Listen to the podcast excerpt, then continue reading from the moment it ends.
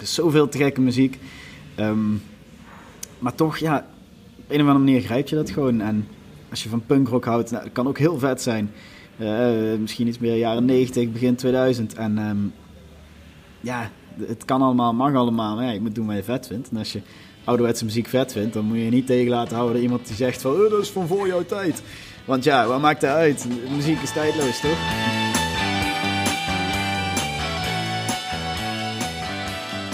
Moon is een drie-eenheid bestaande uit twee broers en een neef. Tom de Jong, Timo van Lierop en Gijs de Jong begonnen te jammen in hun familieschuur in het Brabantse Aarle-Rexel. Eind 2019 brachten ze het conceptalbum Safari uit, met erop het nummer Another State of Mind. Het nummer neemt je op een psychedelische trip de stad uit. Na meer dan 200 shows en twee platen staat Moon aan de vooravond van een tournee. Ze gaan naar Frankrijk, Italië, Zwitserland en Spanje. Ik sprak zanger Timo in een druk skatepark Area 51 in Eindhoven over onder meer de bijna onmisbare stad, een avontuur met een Spaans recordlabel en analoog muziek opnemen in de rook van de kickzanger Dave von Raven. En we starten het gesprek met een klein dilemma. Of je kan eigenlijk je hele leven, wanneer je wilt, eh, albums opnemen, maar dan wel in een digitale studio. Ja? Of je mag nog maar één album opnemen en dan in een analoge studio. Nou ja, kijk, ik, uh, ik vind ouderwetse spullen mooi en ik, uh, ik hou daar heel erg van. Maar ik kies dan toch voor de kunst, voor de muziek en het, uh, het meerdere albums opnemen. Want ja, ik laat me eigen niet beperken door wat ze vroeger konden. Als je tegenwoordig veel meer kan, dan zou ik de kans grijpen. Zeker omdat meer muziek meer vreugde is. Dus dat is uiteindelijk voor mij een, een hele makkelijke keuze. Dus je gaat dan voor meer, meer kwantiteit en moderne kwaliteit in principe? Ja. ja. En ja. Toch, toch zijn jullie twee albums, Moon's Brew en Safari. Die zijn in analoge studios opgenomen. Ja, nou ja, dat heeft wel mijn voorkeur hoor, daar wel. Maar uh, goed, uh, nee ja, het is, uh, we hebben inderdaad gekozen voor die bewuste uh, studio's. Ook zeker bij, nou bij allebei natuurlijk, maar ja, die studio's en, en de apparatuur die zij gebruiken hebben ook wel gewoon... Het heeft een bepaalde sound, maar ook een feel en... En die feel en die sound die creëert een vibe, om het maar even in Engelse woordenreeks te houden. Want ja, um, als alles in het plaatje past, dan, uh, dan is het natuurlijk leuker dan als je een paar dingen hebt die ja, eigenlijk er niet echt in passen. En nou is het natuurlijk wel fijn om met, met digitaal te werken, om een take over te doen. Maar het is ook heel gaaf om een bepaalde take te houden die juist um, ja, een, een, beetje eh, de schoonheidsfoutjes heeft. Maar wel in één keer met heel de band is opgenomen. En dat is natuurlijk wel, uh, ja, dan, dan krijg je een bepaald gevoel dat je anders niet krijgt. En um, is er dan ook een... Um iets, iets specifiekers, speciaals, dat, uh, wat analoog speciaal maakt voor jullie? Ja, misschien ook een beetje het, het, het, warmere geluid, wat je over het algemeen associeert met het gebruik van uh, band, hè, tape en dat soort dingen. Um, ja, en wat ik ook wel heel, heel tof vind, is dat dan alle artiesten waar jij thuis de albums van hebt, die hebben diezelfde machines gebruikt. Misschien wel letterlijk diezelfde machine gebruikt. Als dat jij nou de plaat van, van jouw eigen band mee opneemt. Dat is natuurlijk ook wel. Uh, dat heeft wel uh, iets cools. Maar of je het terug gaat horen, dat betwijfel ik. Mm -hmm. Dus het is, maar het is wel iets waar jullie zelf over nagedacht hebben. Bij, ja. het, bij het maken van jullie twee albums. Het was wel echt onze keuze, allebei de keren, om ja, het album in die studio op te nemen. Ja. Mm -hmm. hoe, kwam, uh, hoe kwam het dan vooral bij. Want we hebben het nu over Another State of Mind, het nummer van jullie tweede album, Safari. Ja. Die is opgenomen in, in Rotterdam. Ja. Uh, wat is het verhaal achter dan die, de keuze voor die studio? Nou, PAF Studio in, uh, in Rotterdam, die um, wordt, uh, voor zover ik het weet, gerund door Marcel en ook deels door Dave, natuurlijk bekend van de Kick. En um, nou, wij kennen ze een beetje om de muziek natuurlijk die ze maken, Nederlandstalige, maar wel beatmuziek, ook een beetje de ouderwetse muziek. En uh, ze hebben dan ook heel veel ouderwetse apparatuur. Niet alleen opnameapparatuur, maar ook instrumenten. En dan denk je aan een, uh, een, een Jaguar-orgel van, uh, van Vox of een Continental of een klaversymbool of een Mellotron. En dat zijn dan de toetsinstrumenten, maar ze hebben ook een hele hoop andere mooie spullen natuurlijk.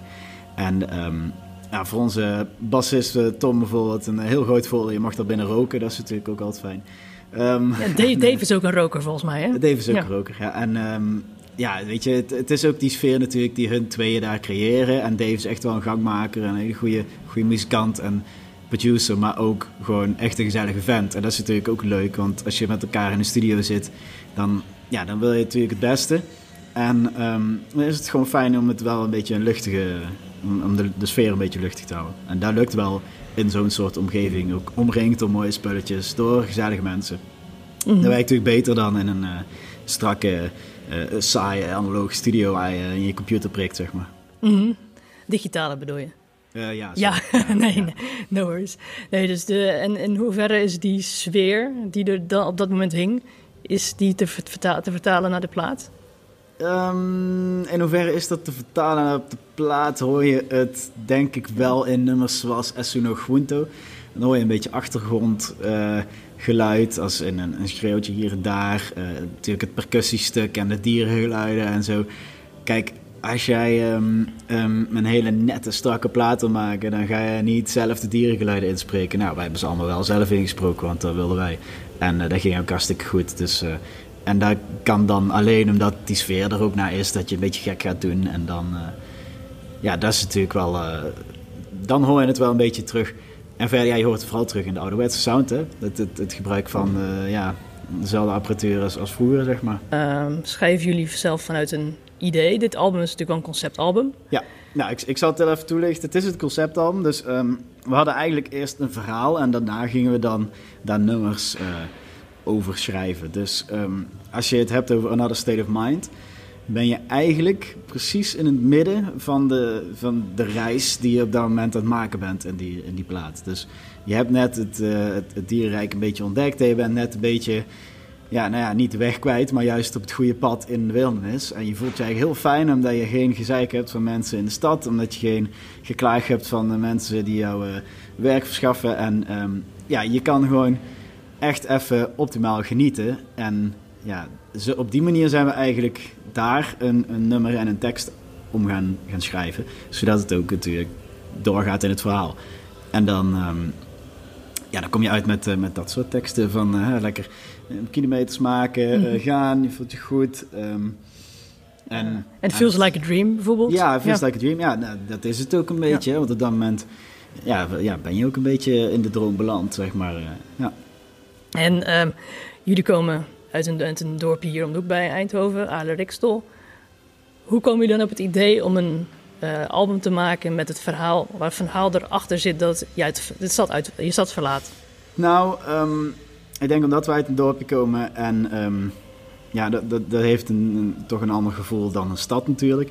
Uiteraard gaan wij vaak naar de stad, we werken allemaal in, eh, in de stad. Dus ja, je moet toch wel de stad in en dan zie je al gauw de dingen die minder mooi zijn aan de stad. Zoals? Eh, meer afval op straat. Eh, mensen die niet omkijken naar elkaar. Eh, de drukte, de hectiek, de eh, vieze lucht die uit de brommer komt die je net in heeft gehaald. En ja, zo, zo kun je nog wel even doorgaan natuurlijk. Maar ja, als je dan terugkomt in een dorpje zoals Alerix, dan is het er ja, wel iets fijner en iets mooier, denk ik dan. En ik kan me voorstellen dat mensen die in de stad wonen ook wel nog meer behoefte hebben aan juist niet in een stad te wonen. En ehm, ja, trek dat verhaal even door naar iemand die, eh, die zich ergert aan van alles en nog wat. Ja, ik zou op zich ook best wel gewoon eventjes op safari willen, zeg maar. Dus eh, ja, op die manier eh, denk ik dat wij daar toch wel met dat idee zijn gekomen. Mhm. En hoe ehm, was het makkelijk om jezelf te verplaatsen in een persoon die de stad uit wil? Ehm, deels wel, ja, want we hebben natuurlijk het verhaal wat er omheen zit. En dat maakt het schrijven van de nummers. In ieder, geval duw je jezelf al een richting in, dat is fijn. En als je dan kijkt naar. Ja, vaak schrijf je toch eh, enigszins vanuit je eigen perspectief. Hè? Dus wat je zelf meemaakt, daar kun je over schrijven. Je kan natuurlijk ook een, verhaal verzinnen, daar is, niks mis mee. Maar ja, je voegt er altijd wel elementen aan toe die je zelf dan hebt meegemaakt. En ehm, ik zeg al, de werkgever of juist de, de kleine dingetjes. Op, later in de plaat komen we ook juist terug bij de dingen die, die fijn zijn aan eh, het leven in de stad en in een georganiseerde wereld. Dus ja, daar kun je ook over schrijven, want ook die hebben wij natuurlijk wel meegemaakt. Dus ja, eh, het, het- ja, ik vond het zelf niet super moeilijk om daar, een, eh, om daar tekst omheen te verzinnen, zeg maar. Mhm. In hoeverre heb je bijvoorbeeld dan naar oudere conceptalbums geluisterd? Want bijvoorbeeld jullie muziek kan een beetje gelinkt worden aan de jaren 60, jaren 70. Ja. Jaren 60 werd een beetje gezien als, nou ja, eind jaren 60 werd vooral gezien als de, het begin van het conceptalbum. Ja, Dus, eh, Sgt. ja, Pepper van de Beatles, eh, Frank Zappa ook, de Kings hebben al- albums gemaakt. Ja, ja, ik vind misschien nog wel het allerbeste voorbeeld Tommy van de Hoe. En ehm, ja, die, die spreekt er voor mij ook wel een beetje bovenuit. Al die anderen zijn natuurlijk ook geweldig hoor, daar niet van. Maar ehm, ja, en, en dat ook zijn gewoon verhalen. En eh, de ene keer ehm, bekijken ze het vanuit zijn perspectief. De andere keer wordt het bekeken vanuit iemand die hem dingen ziet doen. En zo kun je dus ook op verschillende stijlen een nummer schrijven. En uh, je hoeft dus niet altijd het zeg maar first person te doen. Je kan ook als buitenstaander zien hoe dat iemand het bijvoorbeeld uh, geweldig heeft. Of juist twijfelt aan zijn trip in de natuur, weet je wel. Want hij realiseert het misschien zelf nog niet, maar hij komt nog wel dingen tegen die, die tegen gaan zitten, zeg maar. En um, ja, dat, dat hoor ik ook terug bij die platen, zeg maar. Mm -hmm. hoe, hoe, duidelijk voor, jullie was het om echt een conceptalbum te gaan maken? Nou, dat zat, was... zat het in de lijn der verwachtingen toen jullie... Eigenlijk toen, toen we ons eerste album al wilden gaan opnemen. Dus ons eerste album wilden we gaan opnemen. Toen hadden we al het idee om de tweede plaat. En, en de titel hadden we toen ook al voor de tweede plaat. En um, uiteindelijk uh, wisten we dus eigenlijk al nadat de eerste plaat uitkwam, 100% zeker hoe wij onze plaat wilden gaan maken. We hadden, dat was nog niet helemaal natuurlijk, maar um, ja, we wisten al wel 100% zeker dat de volgende plaat een conceptalbum zou worden. En ook een beetje die richting in, de titel. Ja. Mm -hmm. En je zei dat, dat hij de songs op dat moment nog niet had. Alleen het concept, hè? Nee, een paar songs wel, omdat we die, uh, die al wel hadden geschreven of de riffs al hadden bedacht. Alleen um, we vonden het niet bij uh, de eerste plaat passen, bijvoorbeeld. Esuno Junto, die, uh, die hadden we eigenlijk al ook ooit een keer gespeeld. Alleen, ja, past niet echt op dat album. Was een beetje te gewaagd. Hè? Als je als jonge beginnende band je eerste plaat uitbrengt en je doet er in één keer een soort uh, Zuid-Amerikaans thema op als uh, vier boer, of drie boerenjongens. Dat kan eigenlijk niet natuurlijk. Um, maar op de tweede plaat durfde we wel, wel, want dan past het ook in het verhaal en in het concept. En dat, ja, dan komt het ook tot zijn recht. En toen hebben we ook nog een beetje kunnen oefenen natuurlijk. Onze partijen iets beter kennen, um, kunnen oefenen. En dan krijg je toch een heel vet nummer uiteindelijk. Ja. Mm -hmm. En dan State of Mind, zat die ook al aan die eerdere day of is die bij de tweede? Nee, die kwam wel iets later. Ja. ja. ja maar um, ja, ook het teruggrijpend op de tijd van de Beatles, de Birds en dat soort dingen. Heel typisch aan Another State of Mind is natuurlijk de 12-snarige Rickenbacker. De, de, de, gitaar die eigenlijk niet kan ontbreken in ieder jaar 60 muziekje. Um, ja, daar, vinden, daar houden wij ook allemaal evenveel van. En ja, dat, dat is dan ook zo'n ding van, ja, ja dat, dat is vet man. En dan dan ben je eigenlijk al, zodra je de gitaar vast hebt, je slaat één akkoord aan, ben je heel geïnspireerd.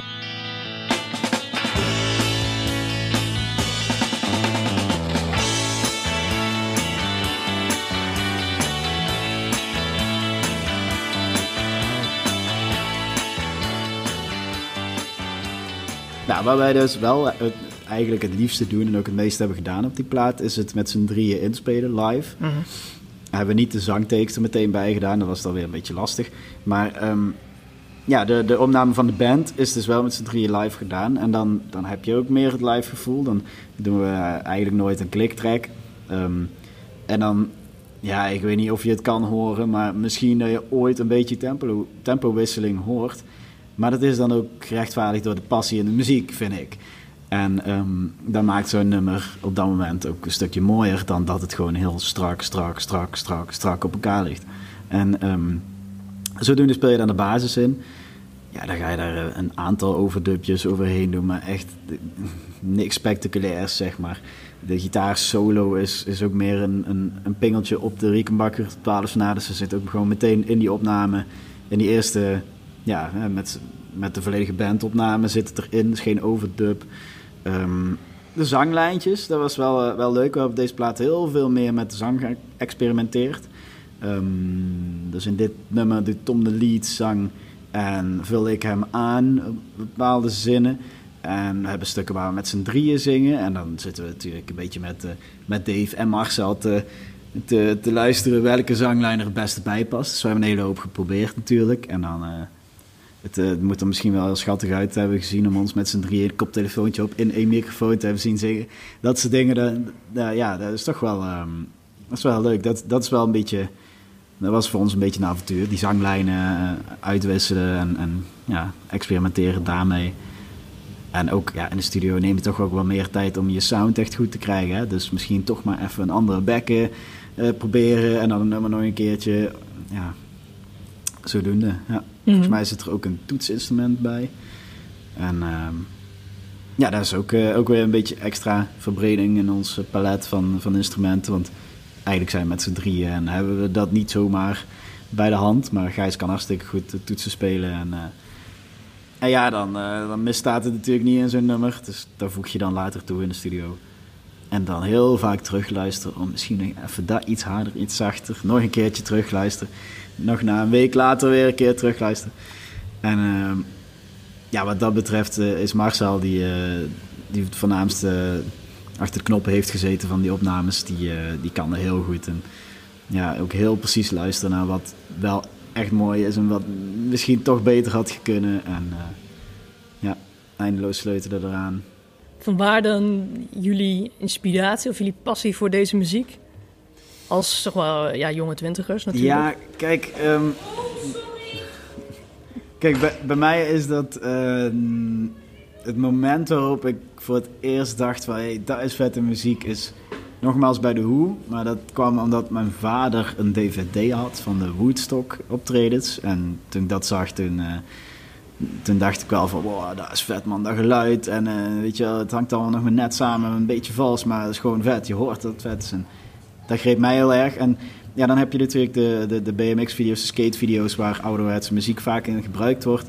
Um, dan, dan denk je toch dat je vader meer leuke LP's heeft dan uh, je eigenlijk dacht. En, um, en zo is het met Tom Gijs ook gegaan. Die zaten dus ook in die schuur, omdat de, hun huis werd verbouwd.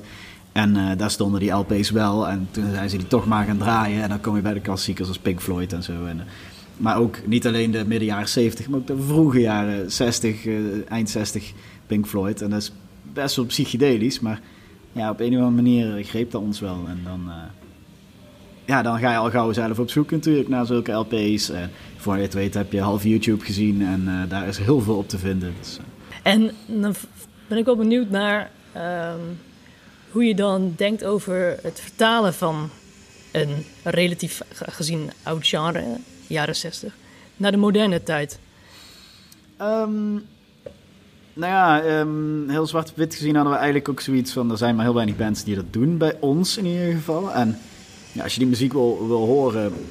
ja, je, kent op een gegeven moment de albums wel, de nummers. Dus ja, er is eigenlijk maar weinig nieuwe muziek, dachten wij. Dus uh, nou, dat kunnen wij zelf. En ja, hoe vertaal ik? Kijk, uh, um, je moet ervan houden. Het is nou eenmaal zo dat wij niet zo van de, van de dance en de trends en, de, en de dat soort dingen zijn. Dus dan, dan, dan ga je toch uh, andere muziek opzoeken. En je hoeft je natuurlijk niet te beperken tot alleen jaren, jaren 60. Uh, jaren 40, 30, 50 swing, jazz, blues, soul, funk. jaren 70, iets hardere rock en zo. De, en de funk. Dus, er is zoveel te gekke muziek. Um, maar toch, ja, op een of andere manier grijp je dat gewoon. En als je van punkrock houdt, nou, dat kan ook heel vet zijn. Uh, misschien iets meer jaren 90, begin 2000. En um, ja, het kan allemaal, mag allemaal. Maar ja, je moet doen wat je vet vindt. En als je ouderwetse muziek vet vindt, dan moet je niet tegen laten houden iemand die zegt van, oh, dat is van voor jouw tijd. Want ja, wat maakt dat uit? Muziek is tijdloos, toch? Ik bedoel, uh, mensen luisteren nog steeds naar muziek van 100 jaar terug. Dus ja. Nee, ben ik het helemaal mee eens. Heb je wel... Um Krijg je wel eens reacties, uh, zoals je net verwoord? Ja, ja heel veel van... Uh, van uh, oh, net de Beatles. Of, en dat, is dan op zich nog vrij positief als je mij vraagt. Maar ja, over, over lange haren en zo. En op zich valt het wel mee hoor. Mensen zijn, worden steeds acceptabeler. maar ja, je krijgt wel ooit rare blikken inderdaad. Vooral als we, als we naar optredens gaan. Hè, je loopt er dan toch anders bij dan anderen. En... en ja, dat, dat, vinden ze soms wel grappig. Maar ja, goed. Uh.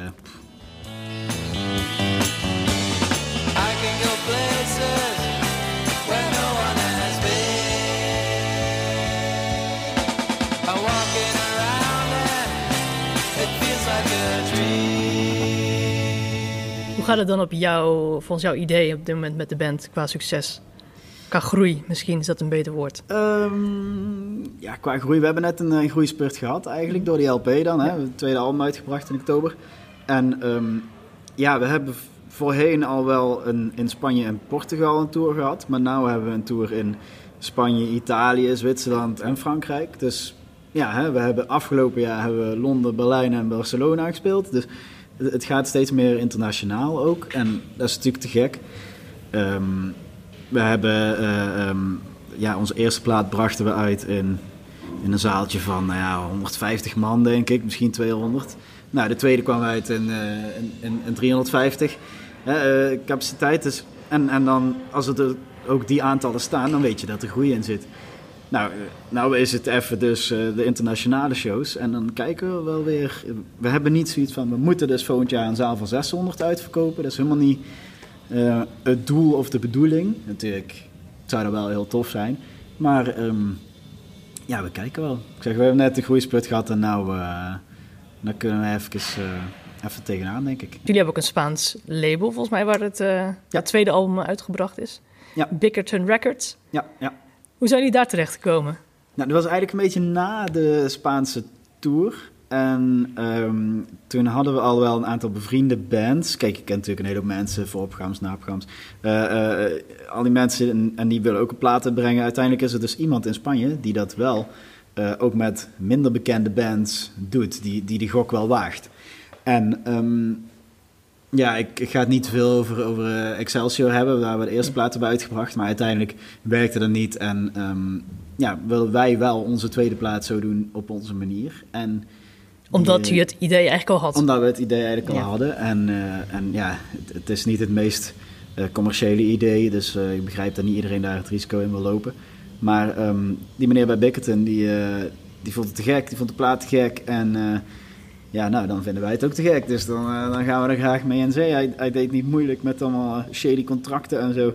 Nee, het was ehm, eigenlijk zo geregeld. En dat was ook wel nodig. Want eerlijk gezegd hadden we een beetje haast. Dat de release datum en de show stonden al gepland. En we hadden ook geen, uiteindelijk geen eens tijd meer voor een testpersing. Dus het was een beetje spannend. Ik kwam dezelfde week binnen en moest maar gewoon goed zijn, zeg maar.